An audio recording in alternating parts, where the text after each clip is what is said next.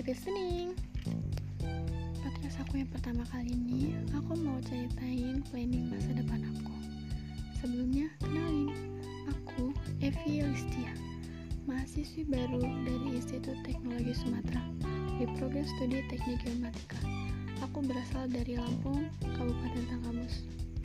Menjadi mahasiswi di Institut Teknologi Sumatera atau biasa disebut ITERA merupakan salah satu target jangka pendekku yang sudah tercapai tapi, ini merupakan permulaan baru untuk aku mencapai planningku setelahnya.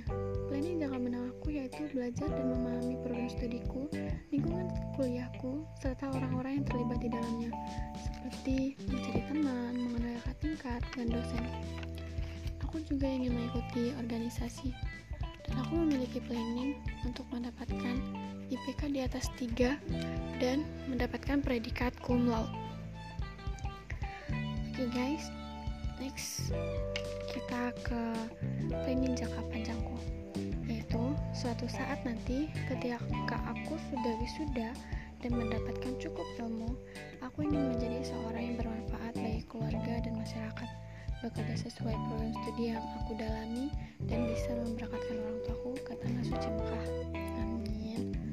Mungkin cukup sampai sini dulu ya cerita tentang planning masa depanku. Semoga kita semua sukses selalu ya dan bisa mewujudkan planning masa depan kita. Semangat semuanya. See you next time and thanks for listening my podcast. Bye